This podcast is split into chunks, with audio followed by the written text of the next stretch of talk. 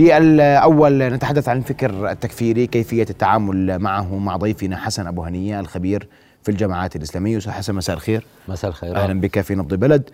أستاذ حسن بعد حادث يوم أمس وقتل أحد أصحاب الفكر التكفيري كما وصف بيان الأمن العام عاد السؤال من جديد وفي أسئلة مرتبطة في هذه القضية. أولها هل لا زال هناك منتمون للفكر التكفيري في الأردن؟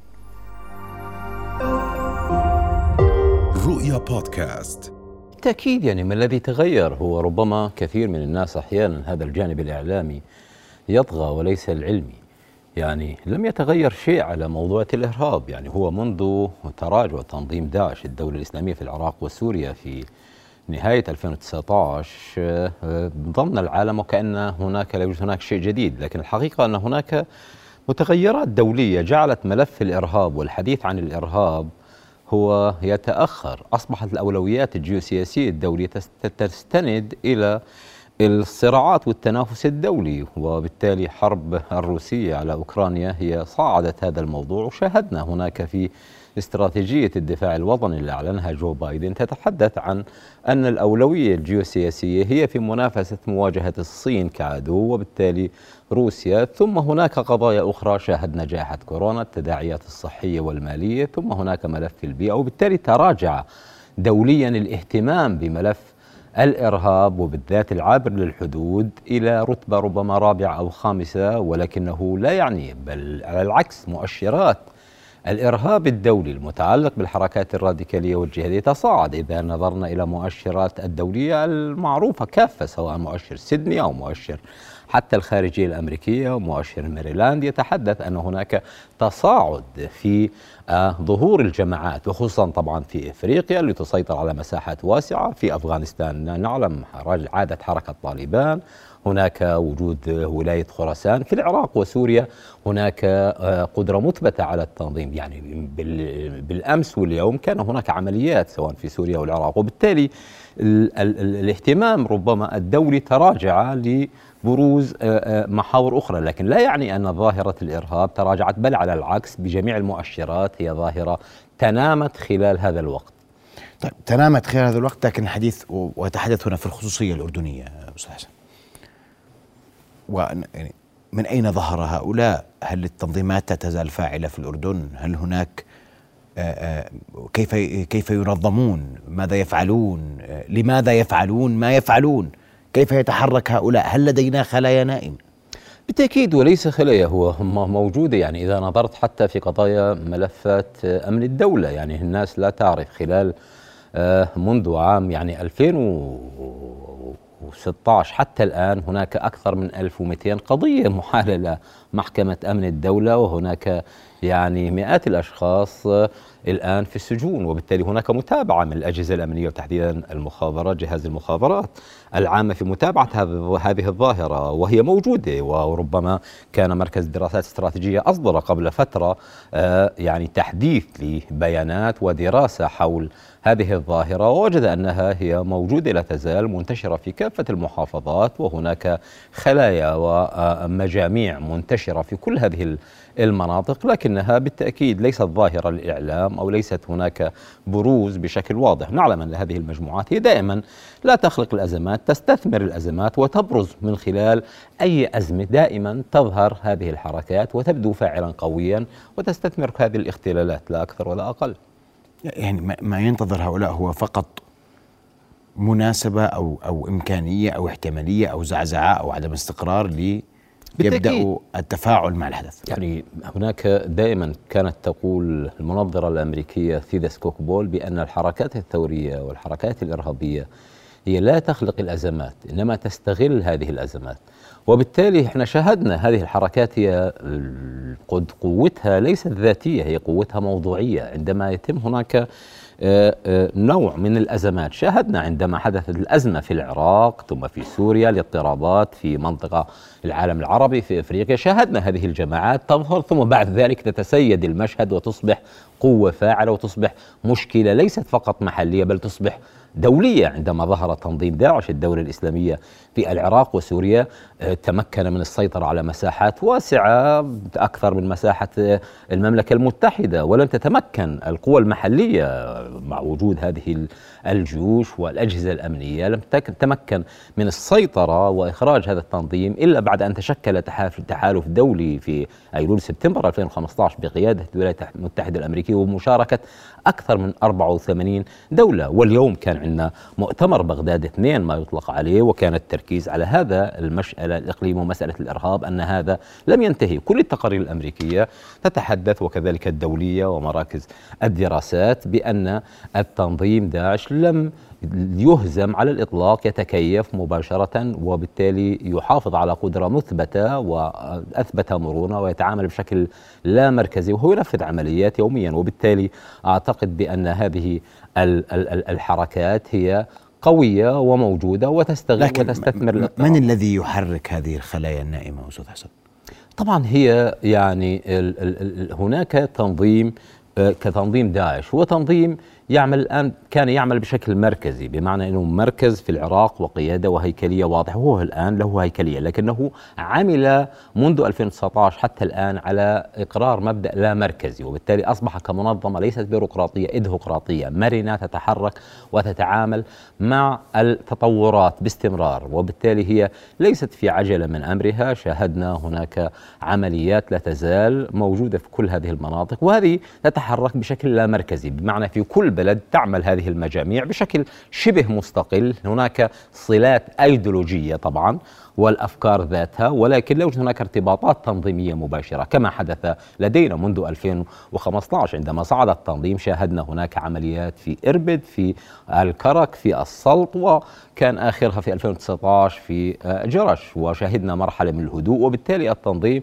الآن في حالة كمون لكنه يستثمر وينظر آه، بشكل مباشر. يعني إحنا قبل الحادثة الأخيرة أثناء عملية الاحتجاجات المشروعة طبعا بالتأكيد على خلفية ال- الاحتجاج على رفع أسعار الوقود ولكنه تم الدخول مباشرة شاهدنا تنظيم داعش بالمناسبة مباشرة منذ اليوم الأول الاحتجاجات دخل على الخط وبدأ يبث عبر رسائل من خلال آه، آه، ال- ال- السوشيال ميديا وتحديدا التليجرام ويحرض على القيام بعمليات في الأردن وبالتالي هذا ليس هذا. مثبت. طبعا هذا موجود في كل مع بدء. استغلالا للاحتجاجات. المشروعة والمطالب المطالبية المشروعة السلمية طلب المباشرة بعمليات داخل مباشرة. وهذا هذا وهذا مثبت كما شاهدنا عندما بدأت في العراق. كانت حركة احتجاجية طبيعية مطالبة بحقوق ثم بعد ذلك دخل التنظيم على خط هذه الاحتجاج وهذا ما حدث في سوريا وهذا ما يحدث أينما كان. مباشرة التنظيم بارع في استثمار الأزمات. كما قلنا لا يخلق الأزمات إنما يستغل ويستثمر هذه الأزمات في تنفيذ هذه الأجندة. لديه هيكلية لديه برنامج واضح وبالتالي هو يدعو مباشرة من آه، أتباعه أو آه، ما يسمى بذئاب منفردة أو خلايا مفردة بالدخول على خط هذه الاحتجاجات وبالتالي مباشرة استثمارها واستغلالها لأن هذه المناخات المناسبة التي تتيح لهذه التنظيمات الراديكالية مزيد من الحشد والتعبئة والتجنيد ثم بعد ذلك تمهد لتنفيذ عمليات إرهابية طب اليوم من يت... من يمكن أن يحدد مواقع هؤلاء وحجم انتشارهم في الأردن؟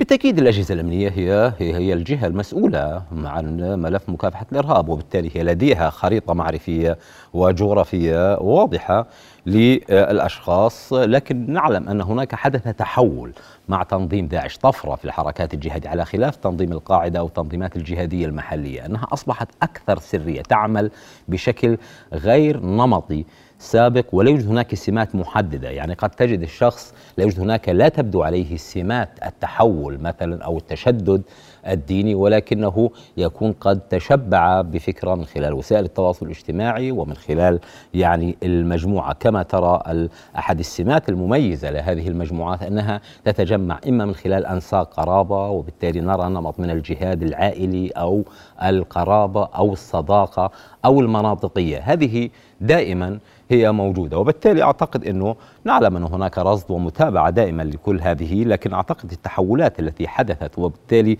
اكتسبت هذه المجموعات خبرة أكبر بالتكيف مع الملاحقة الأمنية وبالتالي أصبحت أكثر سرية وبالتالي أصبحت المهمة أكثر صعوبة. شاهدنا مثلا معظم قضايا أمن الدولة التي حولت في تتعلق بتنظيم داعش الدولة الإسلامية والحركات الإرهابية دائما كانت تستند إلى مفهوم الدعاية وبالتالي هي ترويج لأفكار ما تسمى تكفيرية. وبالتالي يعني المهمة تصبح أكثر صعوبة لأنها لم تعد ظاهرة. أنت لا تستطيع يعني قد تجد آه، شخص آه، آه، لا تبدو عليه أي علامات للتطرف أو للتشدد ولكن بعد ذلك سرعان ما ينخرط في هذا. وبالتالي تصبح المهمة أكثر صعوبة في تتبع مثل هؤلاء. ليس كما كانت في السابق لهم سمات محددة وتجمعات آه، معروفة. الآن أصبحت العملية أكثر تعقيدا. لكن في الأردن هناك شكل هناك يعني مجموعات معرفة. طبعا هناك مجموعات معروفة وبالتالي لديها يعني آه، قاعدة بيانات. ما شكل المجموعات في الأردن اليوم أستاذ حسن؟ طبعا هي تتوزع مناطقيا يعني نجد في كل يعني إذا لاحظنا راح نجد انه هناك تواجد دائما تاريخيا كانت الزرقاء مثلا هي المحطة أو المنطقة الأكثر جذبا جهويا لهذه المجموعات. لكن هناك في كل المحافظات في عمان الآن بدأت مثلا شاهدنا تحول في أكثر انتشارا هناك طبعا في إربد شاهدنا وجود بالذات بعد 2013 ثم في معان طبعا تعتبر موجودة ولكن آه، يعني منذ زمن بعيد وكذلك في كل المحافظات. إذا هي خريطة الانتشار موزعة في كل المناطق من الصعب أن تحصر هذه الموجودة وهي موجودة في كل الأماكن وبالتالي لها نمط انتشار آه، محدد ولكنها تتجمع ليس من خلال بالتأكيد يعني لم تعد المساجد هي أماكن التجمع هي دائما تستند إلى كما قلنا إما عائلات أو مجموعة أصدقاء أو في نادي. بس أنت ذكرت أستاذ حسن في, في معرض حديثك أن الشكل والتصرفات لم تعد دلالة على التطرف أو الانتماء لهذه المنظمات. بالتأكيد. أو لهذه الجهات. صحيح هذا هو التطور الأكثر ونتحدث أن التمييز بات أصعب للأجهزة الأمنية ولكن أيضا بات أصعب للمجتمع بالتأكيد. أنهم اليوم منخرطين في المجتمع. طبعا وقد يكون هو في جوارك وقد يكون حتى أحد أبنائك وأنت لا تعرف لأنه فعلا سمات التطرف لم تعد السمات التقليدية التي اعتدنا عليها. شخص يطلق لحية يلبس دشداشة وبالتالي يعني هناك مجموعة يرتاد المساجد كل هذه السمات النمطية التي كانت معروفة سابقا قبل طفرة التي أحدثها تنظيم داعش الدولة الإسلامية لم تعد موجودة. أصبحت يمكن لشخص قد يكون في الجامعة في المدرسة في المصنع في أي مكان وبالتالي هو يتم قد يقتنع بهذه وبالتالي مباشرة لا يظهر أي سمات من سمات التدين التقليدي التي كانت شائعة ولكنه متشبع بكل هذه الأفكار وبالتالي أكثر جاهزية وهذا ما يجعل تتبعه وخطورته أكثر من بالتأكيد الأنماط التي كنا نعرفها أنها تعيش في نعم. مجموعات أو من خلال مثلا مساجد أو من خلال أي شكل من أشكال آه، التجمع أو التنظيم من خلال السمات يعني وقياداتهم معرفة وكان هناك قيادات في الأردن بالصحيح. معرفة يعني إحنا في الأردن الآن مثلا إذا نظرنا تنظيم الدولة الإسلامية داعش لا يوجد أي رموز لا يوجد يعني إحنا كنا زمان نعرف إنه مثلا ممثلي الجهادية في الأردن تستطيع أن تسمي منظرين معروفين يعني الكل يعرفهم في الأردن ولهم سمات محددة وبالتالي خطابات معروفة بينما الآن لا تجد هناك قيادات واضحة على الإطلاق وبالتالي تصبح الظاهرة أكثر خطورة لأنه لا يوجد هناك أي صفات على الإطلاق آه، ظاهرة لشخص. وهذا ما يجعل وحتى إذا نظرنا لكل القضايا التي حولت إلى أمن الدولة خلال السنوات الخمس الأخيرة سوف نجد أنها مجموعة من الشباب تتراوح أعمارهم من 16 حتى من 18 ل 23 ولا تظهر عليهم أي سمة من سمات التدين التي يعرفها المجتمع تقليديا التدريب وزرع الأفكار ممكن اليوم في وسائل تواصل عديدة يمكن من خلال زرع الأفكار لكن التدريب والعمل وتهيئة هؤلاء ممن سمم فكرهم للإيذاء وما إلى آخره كيف يتم اليوم؟ طبعا أيضا هي أتاحت كما أتاحت وسائل التواصل والثورة الإنفوميديا الإنترنت آه، شبك يعني هذا تصبح مكان ليس فقط لل للأيديولوجيا فقط إنما تصبح هناك للتدريب. بمعنى أنت الآن تستطيع أن تدخل وهناك مواقع في التليجرام وفي كل وسائل يعني التواصل الاجتماعي. كيف تصنع قنبلة؟ كيف من البيت؟ كيف يتم تمارس عمليات؟ وبالتالي هناك فيديوهات آه، كثيرة وكتب عديدة آه، لا حصر لها. توضح لأي شخص كيف يمكن ليس فقط أن يتشبع بالأيديولوجيا إنما أن ينفذ الاستراتيجية والتكتيكات القتالية ويتمرن من خلال هذه وقد يمارسها لوحده يتدرب على هذه أو ضمن مجموعة قد تكون سماتها عائلية أو سمات صداقة أو سمات يعني مختلفة ولكن كل هذا أصبح متاح. لم يكن لم يعد يعني هناك حاجة أن تسافر كما كنت زمان أن تذهب إلى أفغانستان أو العراق وتتلقى تدريبات مكثفة ثم تعود لتنفيذ الآن أصبحت الأمور أكثر خطورة ما يطلق عليها الذئاب المنفردة أو الخلايا المفردة. هذه ليست بالضرورة أن تكون قد تلقت تدريبات يعني في مناطق نزاع محددة وبالتالي هذا ما يجعل الأمر أكثر صعوبة. نعم. كيف حديثك هذا وأنا أريد أن أسقط على الحدث الأخير في الحسينية وهنا كيف يمكن أن نسقط كل ما تحدثت به على حادثة معان كل الحوادث يعني ما حدث في معان في الحسينية كما حدث في الكرك وكما حدث في الفحيص. كل هؤلاء الأشخاص لم يكن لديهم يعني لم يسافروا على الإطلاق لتلقوا تدريبات خاصة. كلهم كانوا من أو ثم كلهم جميعهم كانوا محليين بمعنى أردنيين لم يأتوا من الخارج وكلهم كانوا يعني آآ آآ آآ لا يوجد هناك شيوخ أو تلقوا معظم هذه الأيديولوجيا من خلال وسائل التواصل والتدريبات أيضا كما قلت أيضا أخذوها من خلال كل هذه الشبكات والمواقع وبدأوا ينشئوا كما رأينا إذا تتبعت كل هذه الخلايا هي لها يعني نسق قرابة بمعنى يعني أنساق القرابة متحددة إما يكونوا أقارب أم يكونوا إخوان أو يكونوا أصدقاء أو أبناء قد يكونوا عائلي وبالتالي ينشئ هذه الخلية وبالتالي يعني لا نعرف متى كما قلت يعني لاستثمار أي دعوة مثلا من تنظيم مركز لتنفيذ عمليات أو هو أن يقرر بشكل فردي كذئب منفرد أن ينفذ هذا العمل. وبالتالي يعني هذا هو النمط الجديد والأكثر تحدي والأكثر خطورة دائما مع هذه المجالات. لكن أنت تحدثت بوضوح أن آه،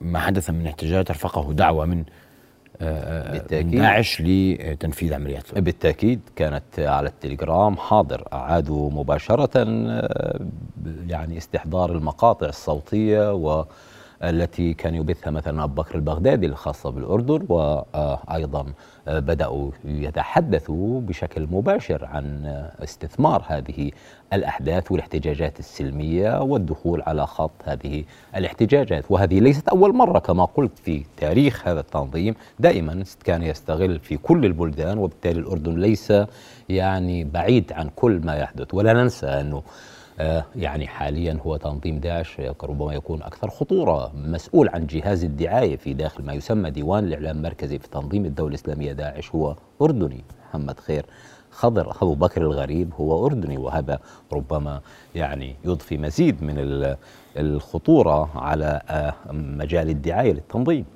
طيب أنا بسؤال أخير كيف يمكن أن اتعامل مع آه، هذه الأمور في المستقبل؟ بعتقد هو يعني بالتأكيد ما تقوم فيه الأجهزة الأمنية هذا هو الأمر الرئيسي لكن نعلم أن مكافحة الإرهاب تتطلب شق يعني متعلق بالشق الأمني العسكري متعلق بالشق الأيديولوجي متعلق بالشق آه، كافة التنمو ثم بعد ذلك المشاركة المجتمعية دور مؤسسات المجتمع المدني التوعية الأهل كل هاي مؤسسات التنشئة الاجتماعية من المدرسة إلى الأسرة يجب أن تكون عملية مراقبة. إحنا شاهدنا في فترة ما كانوا آه، كثير من حتى في داخل المدارس هم منتمين أو يعني ذهبوا للقتال في العراق وسوريا. وبالتالي تحتاج الأمور من الجميع. لا يستطيع فقط جهاز مهما كانت قدراته وإمكانياته أن يتتبع كل فرد أو كل شخص أو تحول. وبالتالي تصبح مسؤولية مجتمعية من الأسرة إلى المجتمع إلى فضاء المجتمع المدني وصولا إلى يعني الأجهزة الأمنية والعسكرية. نعم. أنا أود أن أشكرك أستاذ حسن أبو هنية الخبير في الجماعات الإسلامية. كنت معنا الليلة آه، أوضحت آه، قضية الفكر التكفيري وجوده في الأردن الجماعات الإرهابية وجوده في الأردن ما رافق الاحتجاجات السلمية مؤخرا وإيضاح لما حدث مؤخرا في معالم من استهداف لقوى الأمن ومحاولة إثارة شغب من قبل آه، هذه المجموعات. أشكرك كل الشكر أستاذ حسن على وجودك معنا. رؤيا بودكاست.